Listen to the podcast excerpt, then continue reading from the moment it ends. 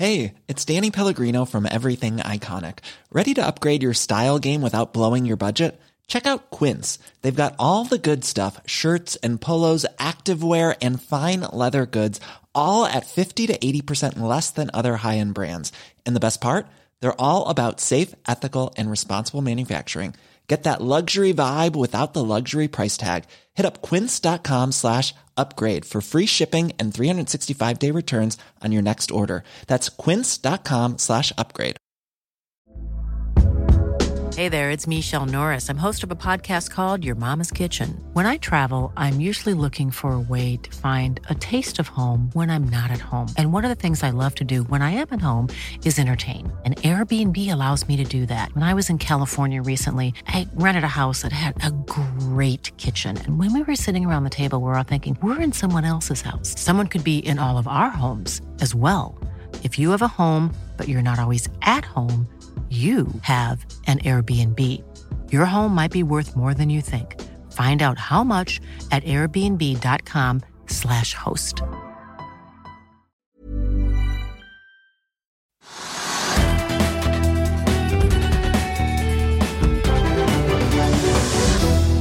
God fredag og velkommen til Økonominyhetene på denne gudskjelov-dagen 8.12. Mitt navn er Marius Thorensen, og blant overskriftene i dag så får vi ta med at sjefen i Nasjonal sikkerhetsmyndighet, NSM, går på dagen etter at det ble klart at de hadde tatt opp et ulovlig lån. Norwegian vender skytset mot Konkurransetilsynet sammen med Widerøe, som ikke vil la dem altså kjøpe opp Widerøe. Vi får besøk av Norwegian-sjefen straks. SSB er også ute med nye prognoser, og vi er bare en time unna jobbtallene fra USA, som eh, i hvert fall en hel investorverden følger med på, om ikke annet. Hovedindeksen endte jo noe ned i går. I dag vi også sett en svak nedgang. Det har svingt litt. Vi har sett grønt også, men vi ligger foreløpig ned en drøye 0,1% og Med det så er vi ganske alene i Europa, hvor det stort sett er grønt i dag på børsen etter en litt blandet start i Asia. Eh, summer vi opp eh, uken så langt for hovedindeksen, så ser det ut til at vi ender ned ca. 1,3% litt avhengig av hvordan vi avslutter de siste tre eh, timene. Wall Street steg jo i går etter noen dagers nedtur. Oppgangen var ganske teknologidrevet, bl.a. av brikkeprodusenten AMG, som, AMD, som steg nesten 10 etter at de altså viste frem brikken som skal konkurrere med brikkene fra Nvidia. Google Air Alphabet steg over 5% etter at de viste frem sin AI-tjeneste Gemini. Og Futuresen i dag peker noe nedover da på ukens siste børsdag. Nordsjøoljen er mye opp i dag, 1,1 eh, ligger på omtrent 75,30. Men vi har sett eh, litt over 76-tallet litt tidligere i dag, så det får jo være en trøst etter de siste dagers og ukers eh, prisfall etter OPEC-møtet forrige uke. Rex Silicon eh, har vært opp så mye som 10 i dag, ligger nå opp eh, rundt eh, et par prosent etter nyheten om at de har gjennomført salget av eierandelen på 15% i denne joint venturen i Kina kalt Julin. Bruttoprovenyet for Rex Silicon før kostnader er regnet til rundt 1,4 milliarder. og Dette frigjør da kapital som de kan bruke på Moses Lake-anlegget i USA, hvor de da ønsker å trappe opp produksjonen fremover. Interessant å merke seg Rex Silicon, børsens tredje mest omsatte aksje i dag. To plasser bak Rex så finner vi Solstad Offshore på mest omsatt-listen. Den aksjen steg jo nesten 6 i går. I dag eh, har den sust videre oppover. Ligger nå opp 13,1% Det har jo brutt ut full krig mellom Kristen Sveaas og Kjell Inge Røkke og Aker etter at Sveaas altså gikk til frontalangrep på hele restruktureringen i går. Sveaas mener jo da at Røkke og Aker stikker av med store verdier og et oppsidepotensial i restruktureringen, og nå truer han eh, både American Shipping Company, Aker og Solstad-styrene med søksmål. Solstad selv, Lars Peder Solstad har vært ute og avvist mange av avklagene, og han kaller de falske. Vi får også merke oss at Kistefos og Kistefos Investment kjøpte hver dag torsdag 500, aksjer, 500 000 aksjer, totalt av 1 million aksjer i Solstad. Og kursen har jo da steget uh, kraftig, så det virker jo da som en del i markedet forventer at de aksjonærene som sitter igjen i Solstad, når man nå skal dele dette opp i to selskaper, kanskje blir sittende igjen med litt mer verdier enn det restruktureringen opprinnelig la til grunn. Sveås regner jo med at uh, Solstad-verdiene er fem ganger så høye som det prisingen mot Kjell Inge Røkkes Aker er lagt opp til eh, nå. BV Ideol var opp litt over 3% til 12,20 i formiddag, da aksjen ble pauset i påvente av en melding fra selskapet. Eh, og Der kom det frem da, i denne meldingen til slutt at aksjonærgruppen BV Sirocco Holdings har passert 90% og derfor iverksetter av tvangsinnløsningen av de siste aksjonærene i fornybarselskapet. Oslo Børs har for øvrig da pauset handelen i aksjen inntil eh, videre. Så er det denne ganske spektakulære nyheten fra embetsverket på statlig hold i dag, da. NSM har altså inngått en ulovlig låneavtale på 200 millioner kroner, og NSM-direktør Sofie Nystrøm går av på dagen. Justisminister Emilie Enger Mehl har hatt pressekonferanse i dag, og der kom det frem at lånet er tatt opp i forbindelse med innflytning i nye lokaler. Og renten på deler av lånet er ifølge justisministeren på nesten 10% Regjeringen vil nå sette av penger for å nedbetale lånet på 200 millioner som er gitt av via Norwegian Property-systemet, som også Jon Fredriksen eh, kontrollerer, ifølge Aftenposten. SSB er ute med, konjunkturrapport, med sin nye konjunkturrapport i dag. De har jo da jekket opp prognosene for både pris- og lønnsveksten neste år, og nå ligger de høyest av alle, inkludert eh, Norges Bank, hvis du ser på prognosene deres. Det forteller eh, vår egen Are Haram, som jo dekker makro. Han har skrevet mye om dette, det kan du lese på fa.no. Vi får ta med da, selv om de jekker opp både lønns- og prisprognosen i SSB, så venter de fortsatt at Norges Bank vil komme med rentekutt fra og med neste sommer. Det er bl.a. et kraftig fall i byggeaktiviteten her i landet på 30% totalt i året neste år, som da bidrar til eh, dette. og Det gjenstår da 10 av disse 30 ifølge SSB. 17.11 sa Konkurransetilsynet nei, i hvert fall foreløpig, til Norwegians milliardoppkjøp av Widerøe. Og i dag så har de to flyselskapene også slått tilbake og snakket tilsynet midt imot, med får vi si, hjelp fra de tillitsvalgte i ryggen. Men stemmer det at konkurransen blir dårligere hvis Widerøe blir kjøpt opp, litt som da de var eid av Norwegian-konkurrenten SAS i gamle dager? Vel, spørsmålet er vel egentlig om eh, dere og Widerøe er konkurrenter eller lever i en slags hybridtilværelse der dere er både litt konkurrenter og supplement til hverandre, Geir Karlsen, sjef i Norwegian? Ja, altså vi er jo For det første så gikk vi ut i dag med litt, eh, litt skarp tone. Enig. Ja, er sterkt uenig, skriver dere. Det høres ut som dere har prøvd å være nesten litt diplomatisk i overskriften her. For det virker som dere er eh, litt oppgitt, og at dere sliter med å skjønne hva tilsynet kommer med her? Ja, altså vi har hatt en, en prosess med, med, tilsynet nå eh, siden juli i praksis. Eh, og vi har jo besvart alle mulige forespørsler som de har kommet med. Jeg tror vi har sendt inn i området 3000 dokumenter nå, oss, altså Norwegian og videre totalt sett. Og vi er, jo, vi er jo, som vi sa i dag, fundamentalt uenig i at dette her vil svekke konkurransen. Vi mener jo heller det helt motsatte, nemlig at det vil styrke konkurransen. Og, um, og ved, at, ved, at, vi kun kan bli overtagende i forhold til videre, så mener vi at vi kan vi kommer til å uh, konkurrere i mye større grad uh, mot den hovedkonkurrenten som vi kaller det, da, som på en måte har dominert dette her markedet i flere tiår. Og da snakker du om SAS? Ja, det gjør jeg. Spesielt uh, på det som vi kaller da gjennomgående trafikk. Det vil si at du, du bruker på en måte For å komme til din destinasjon, så må du bruke mer enn et flyselskap. Du skal til Hammerfest, uh, mellomlander i Tromsø f.eks.? For eksempel, ja. og, fly, og flyr videre.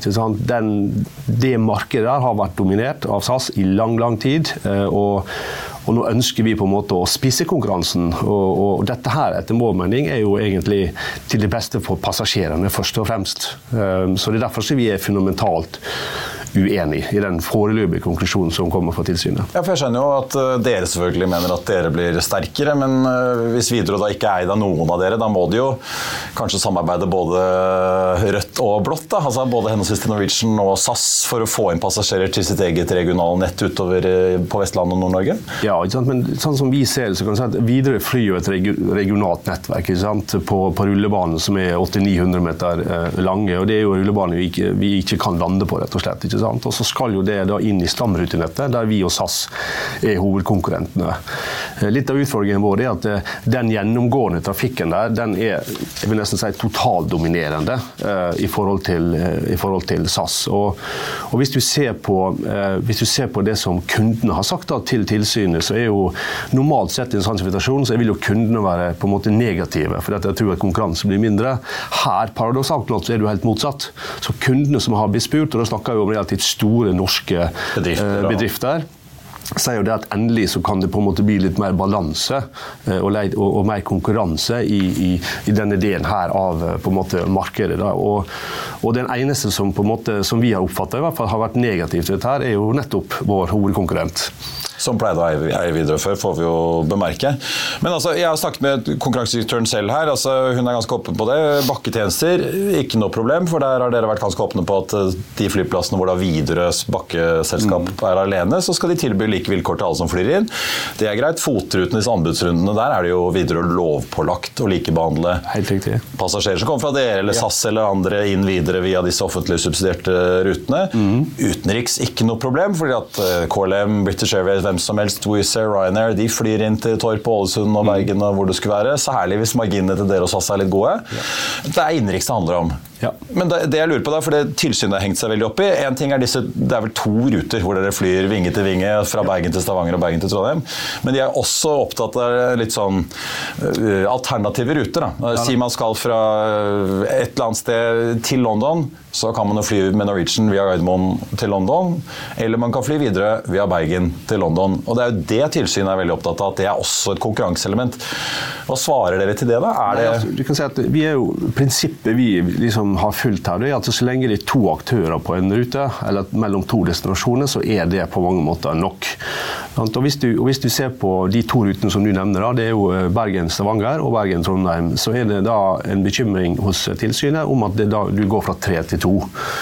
Men paradokset er jo at stort sett hele det norske indeksmarkedet jo, består jo av enten én en eller to.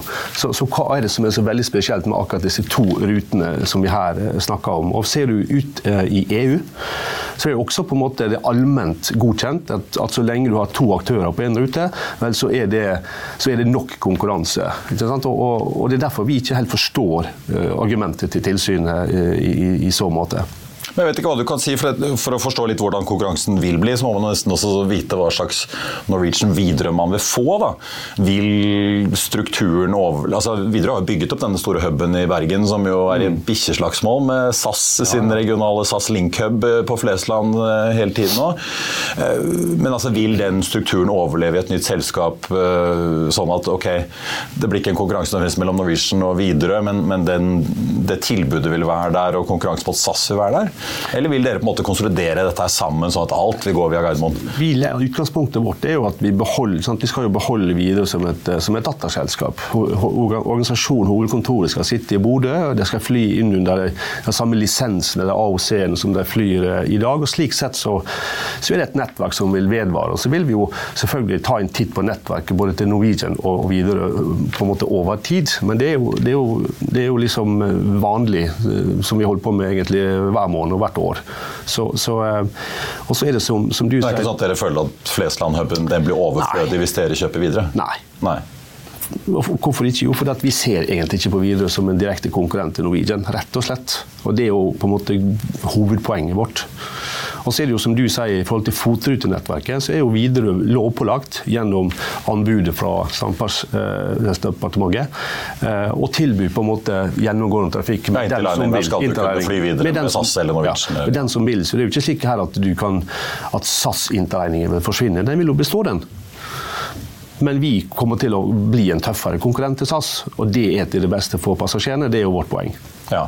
Eh, jeg ser LO har vært ute i dag. Eh, nå kan ikke du snakke for eh, Widerøe sin del, eller eierne deres for en saks skyld, men nå har jo LO både fra på måte tillitsvalgte på flysiden, men også LO-sjefen selv, som jo tidligere har vært flyvertinne i Bråtens, var det vel, har vært veldig opptatt av at nå må vi ikke miste eierskapet til Widerøe ut av landet. Stein Nilsen selv, altså Widerøe-sjefen som var med deg på pressetreff i dag, var også ganske tydelig på det. Han mente var vel om han kalte det en katastrofe hvis dere nå havner i en slags sånn myr, da, hvor Konkurransetilsynet krangler og krangler, og dette må i rettsapparatet og opp i Konkurranseklagenemnda, kan det komme inn en annen kjøper her og snappe opp videre foran nesen på dere? Ja, altså Ingenting er umulig. Uh, vi ser jo det som har skjedd på, på fergesida f.eks. Det er vel knapt nok et, et fergeselskap igjen som, som er norskeid per i dag. Uh, og det er klart at det, det kan skje. Eh, vi mener jo det at vi, vi, eh, vi er en god eier av Widerøe. Eh, vi kan Norge, vi kan Nord-Norge. Der er store synergier mellom Widerøe og Norwegian som gjør at et sammenslått selskap kan bli enda mer konkurransedyktig enn det vi per i dag er isolert sett. Og, og vi kan som sagt vi kan dårlig vær, vi kan vinter, og, og, og vi kan på en måte skape et sterkt norsk flyselskap eh, på, i en bransje der infrastruktur er helt sentralt eh, for bosetning eh, osv. i hele, spesielt da i Nord-Norge. Selvfølgelig Et element som konkurransedirektøren har vært inne på, er jo etableringen av nykommere. Under pandemien så vi jo både norske flyer prøve seg, de konkurs. Wizz Air fra Øst-Europa prøvde seg, trakk seg etter hvert ut.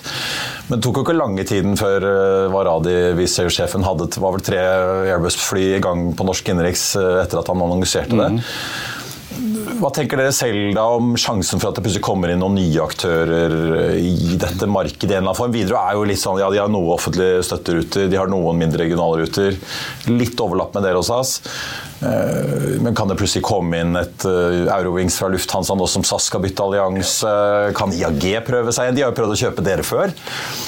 Altså, hvordan ser dere på den etableringsrisikoen? Nei, du kan si at En del av, en del av dialogen vi har hatt med tilsynet, og det er jo også en av, en av de bekymringene som SAS har, det er at, nemlig at etableringshindringen er altfor stor i Norge for at andre skal komme inn, fordi at det er så vanskelig å få landingsrettigheter rundt omkring.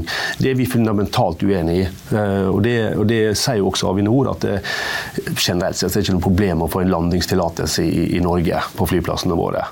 Eh, så, så, det er vi helt uenige i. Og jeg tror, vi er, altså, jeg tror det er naivt å tro at, eh, at eh, ingen andre vil prøve seg i det innenriksmarkedet i Norge. Jeg tror at Det er ikke snakk om det vil komme, det er snakk om når det kommer. Ryanair flyr jo innenriks i Sverige. Jeg vet ikke om dere er forberedt på at de prøver seg her òg? Ja. ja, Ryanair har jo sittet der en god stund nå. De oppretta base i København nå, i desember faktisk. De har signert avtaler med fagforeningene, Dansk Metall. Så det er bare et tidsspørsmål. Alt annet er naivt å tro. Mm. Jeg tenkte Hva med Holdt jeg på å si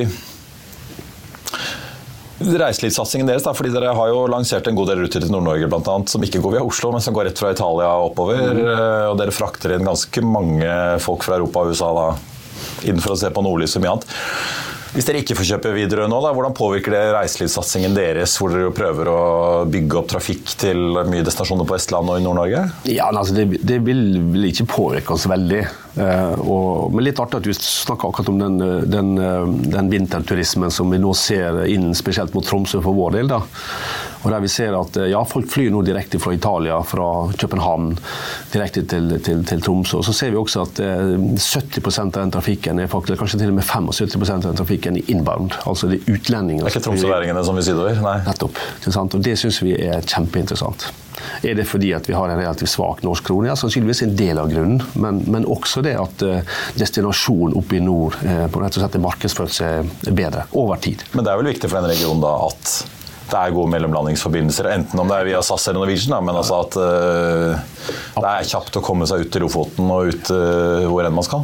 Ja, absolutt, men, men, skulle vi ende opp ikke kjøpe videre, så er det klart vi vil jo bare fortsette den satsingen uansett. Det vil vi jo gjøre. Men det er klart det er jo en kjempefordel hvis vi kan sy disse to nettverkene enda bedre sammen. Uh, slik at du kan ha gjennomgående, sømløs reise både inn i Norge og ut av Norge.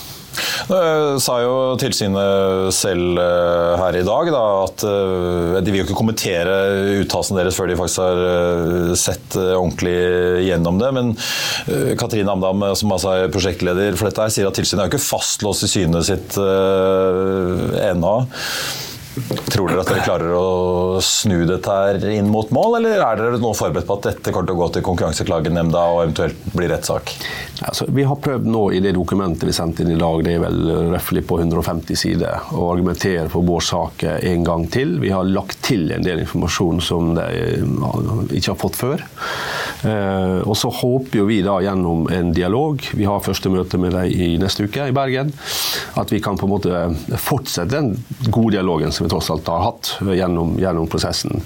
Eh, men vi syns at det varselet som kom, er det er litt skeivt eller ubalansert. Uh, han har brukt argument som taler sin sak, mens han har unnlatt å bruke viktige argument som vi har lagt fram for tilsynet og som, som vi syns er viktig for saken i seg sjøl, de er utelatt. Uh, og, og, det er det vi har et kjempeproblem med. Og det er det håper vi nå skal på en måte få inn i vurderingen, slik at um, det, det bikker i vår, i, i vår favør. Og skulle det nå komme slik uh, i 3. januar at vi får et nei, som vi da ikke håper For vi har egentlig ikke lyst til å gå inn i en ny prosess med klagenemnd og, og juridisk osv., men, men, men vi vil nok gjøre det hvis vi, hvis vi kommer dit.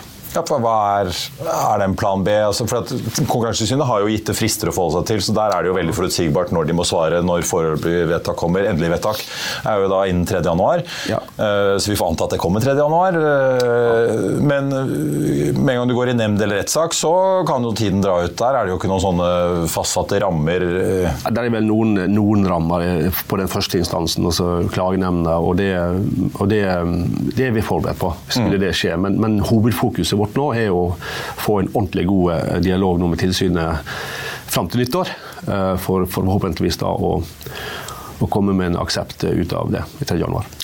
Eh, Jeg merker meg Dere omtaler eh, en analyse gjennomført av Charles River Associates, CRA, eh, i pressemeldingen i dag. Konsulentselskap som, som har gjort mye beregninger på, på luftfarten og konkurranse der. Hvor dere mener at Widerøes tilstedeværelse har ikke noe særlig effekt på billettprisene dere kjører. Hva mener dere egentlig med det, eller hva slags belegg har dere for å si det? Nei, altså, det er jo ingen tvil om at Vi har, vi har henta inn dette byrået eller konsulentselskapet. Det er jo et konsulentselskap som, som bruker samme modellen som på mange måter tilsynet har brukt i, vår, i vår prosess. da, Og så har vi bedt disse her om å gjøre en, en ny evaluering eh, på, en måte, på vårt oppdrag. da, og og Da har jo de kommet med en del kritikk. eh, og Det er jo en rapport som også kommer til å bli lagt frem for Konkurransetilsynet. eh, og der disse her med dataene som, Det er jo de samme dataene i praksis som vi har gitt til disse som har gitt til tilsynet, konkluderer helt motsatt. Nemlig altså at egentlig den samme konklusjonen som tilsynet tok i 2021, når de la frem en, en, en høring inn mot Samferdselsdepartementet der en sa at uh, har du to aktører på en rute, så er det nok for å stimulere konkurranse. Um, og det er den harde konklusjonen. Holdt jeg på å si prisen til eh, Evenes eller hvor du skal være gårdene hvis det går fra dere eller SAS alene til begge to flyr, men det blir ikke noe særlig billigere hvis Nei, men tre kommer inn? nå skal vi være påpasselige med å si at det, altså, det vil bli billigere å fly, altså, men, men det stimulerer konkurranse. Ja, ja. det. Det er mange faktorer som bestemmer flypris. Men det Altså, virket jo som i hvert fall da Flyr var inne og fløy til Stavanger, så var det grådig billig på de tidspunktene der alle tre fløy, sammenlignet med Ja. to av de fløy. Men så gikk jo en av de konkurs, da riktignok. Men Ja, ja og, og, og ser vi på akkurat de to rutene og det vi har lagt ut for salg nå for, for våren og neste sommer, så har også vi tatt ned kapasitet. Og hvorfor det? Jo, fordi at eh, eh, altså det er ikke lønnsomt. Ikke og, men det er også viktig at altså, dette er jo to av hvilken som helst rute i vårt nettverk. Så, så vi har jo gjort tilsvarende grep. Både tatt kapasitet opp og tatt kapasitet ned på tvers av nettverk. Og det, gjør vi, det er noe vi gjør hver måned det, egentlig for, for den kommende sesongen i praksis. Per Arntzen, konsernsjef i Norwegian, takk for at du eh, kom innom oss. Så skal vi følge spent med i starten av eh, januar. Vi skal eh, snakke bil med Håkon Sæbø FA Motor, er tilbake rett etter dette. Vil du bli oppdatert på det viktigste som har skjedd innen finans og næringsliv? Da er det bare å følge med, for hver morgen er jeg, Marius Lorentzen og aksjekommentator Karl Johan Malnes på plass i studio for å ta tempen på dagens marked i Børsmorgen. Og hver ettermiddag oppsummerer vi alt du trenger å vite i økonominyhetene, og det blir selvfølgelig masse interessante gjester. Klikk deg inn på fano-tv, eller søk opp Børsmorgen og Økonominyhetene der du hører på podkast.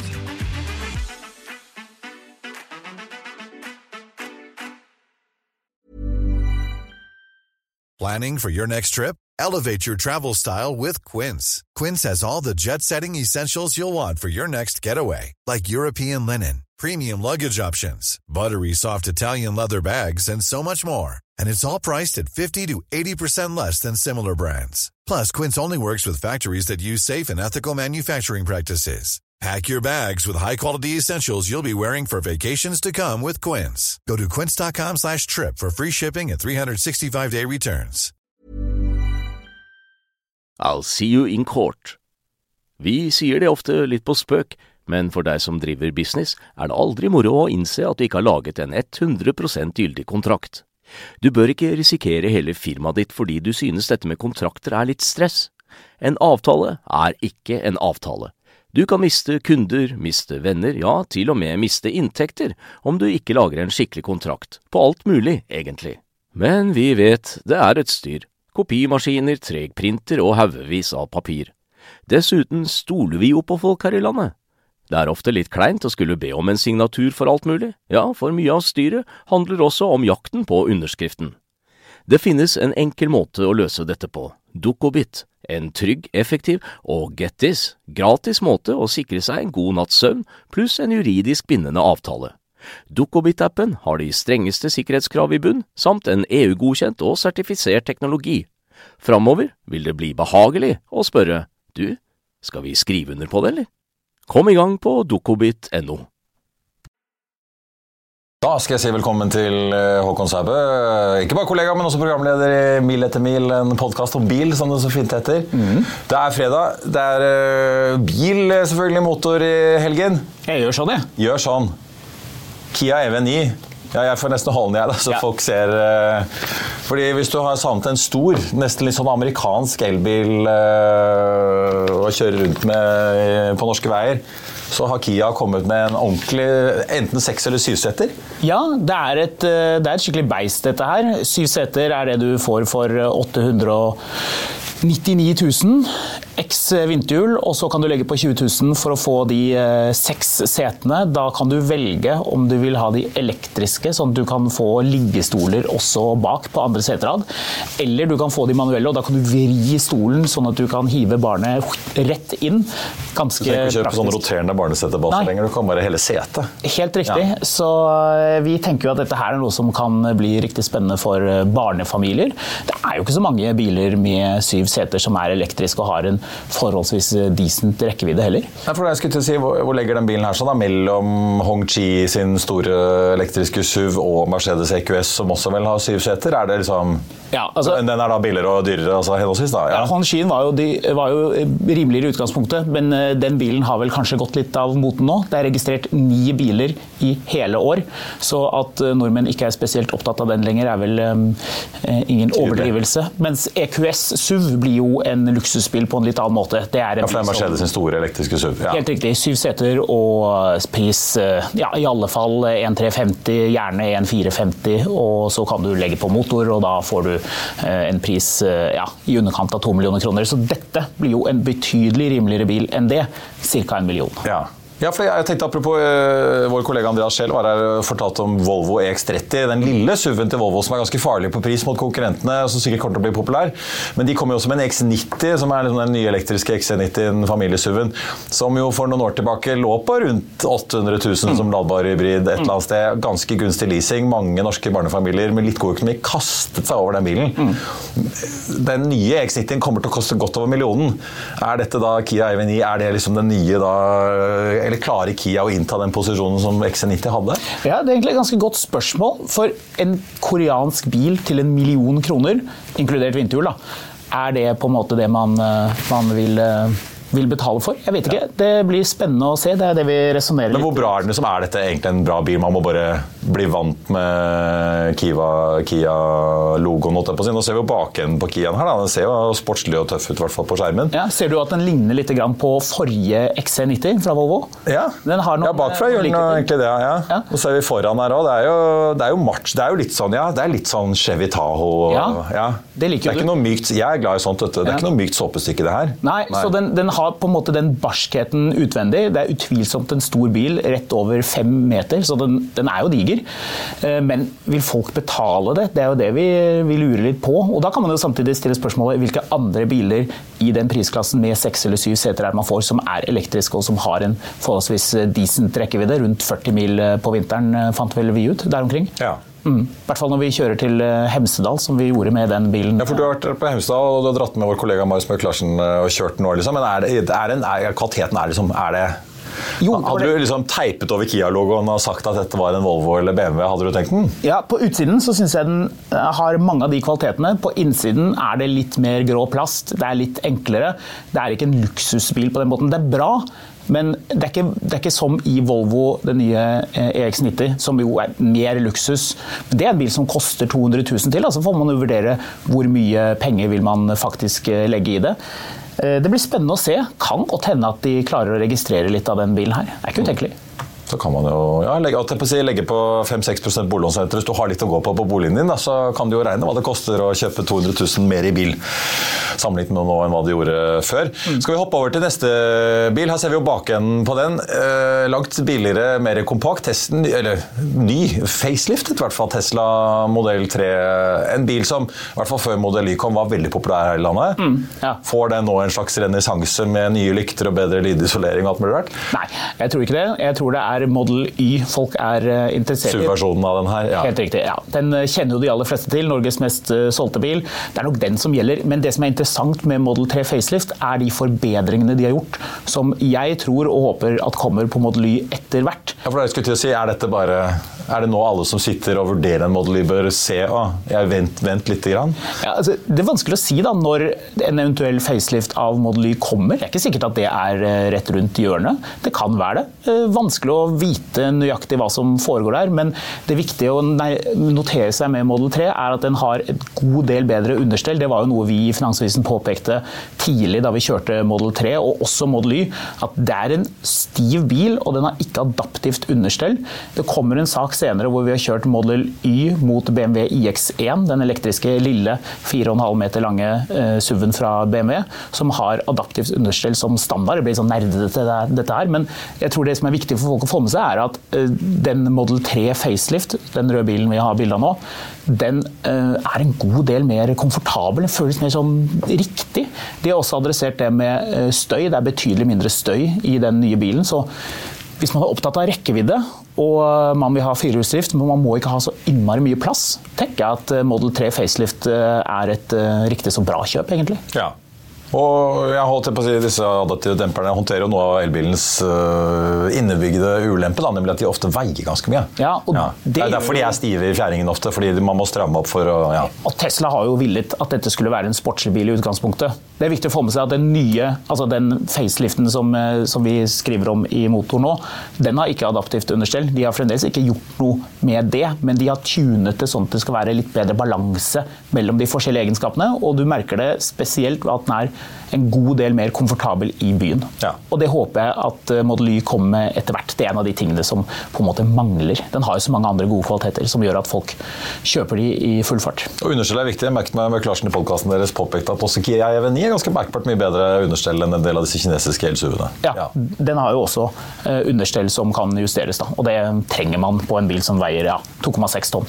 Men en bil som eh, kanskje enda færre kommer til å kjøpe enn både Hongxi og Tesla Model 3 er en annen bil med et veldig godt understell, tror jeg vi kan konkludere, nemlig Porsche Panamera, som Andreas Scheel har vært og kjørt i Dubai, som også er ny, som man kan lese om i Motor i helgen. Det må man eh, få med seg. Det er ja. en eh, litt mer high end bil. Der er det fremdeles eh, V8-bensin som gjelder, og selvfølgelig ladbar hybrid for de som vil ha det. Så du skal være veldig glad i Porsche Agoro for å hoppe fra Taycan L til, som du får veldig relativt sett rimelig på Finn om dagen, opp til en ny Panamera. Ja, det er vel ja. i alle fall en million kroner man må legge på der. Så er det jo alt det utstyret til Porsche som er veldig deilig, men også veldig dyrt. Ja.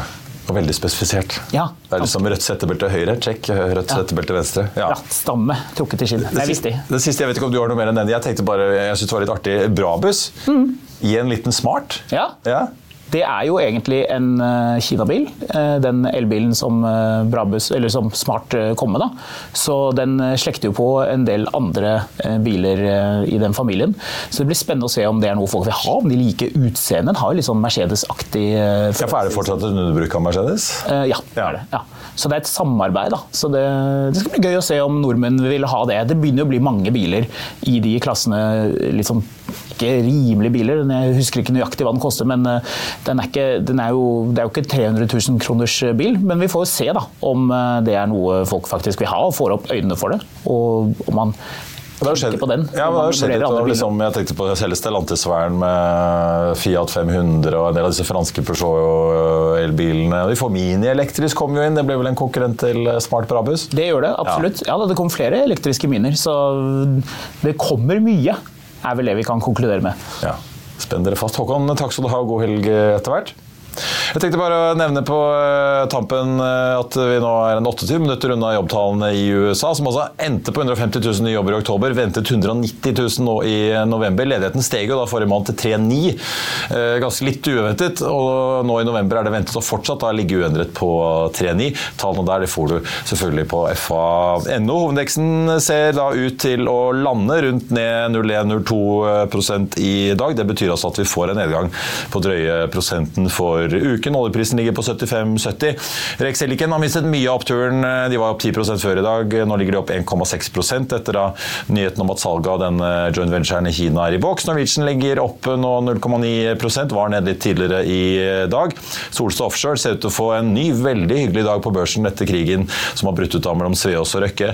Solstad Offshore da opp 12,7% etter oppgangen på det var vel snaue 6% i går. BV Ideol da pauset i handelen, nå som aksjen blir tvangsinnløst. I Finansavisen i morgen kan du lese Trygve Egnars leder om kampfly og generaler uten regnekunnskaper. Du kan lese om at utlendinger tømmer Norge for anleggsmaskiner. Du kan lese om Petter Skisners råd om aksjer som spruter cash. Så blir det profilintervju med Kid-sjef Anders Fjell, som har jobbet både i Elkjøp og XXL tidligere, og masse annet bil, vin og helgestoff, selvfølgelig. Det var det vi hadde for deg her på denne fredagen. Tusen takk for at du så eller hørte på. Mitt navn er Marius Lorentzen, og vi er tilbake igjen her mandag 08.55 med Børsmorgen og 14.30 med Økonominyhetene. Men allerede i helgen så kommer det et par spesialepisoder eh, som har vært å få med seg. Vi snakker bl.a. med den norske bedriften som kanskje er først ute med å bruke Microsoft sitt nye AI-system Copilot. Det og en boligdebatt vil du ikke gå glipp av, så følg med i podkast-siden i morgen og på søndag. I mellomtiden så ønsker alle vi her i Finansavisen deg en riktig god helg. Takk for nå.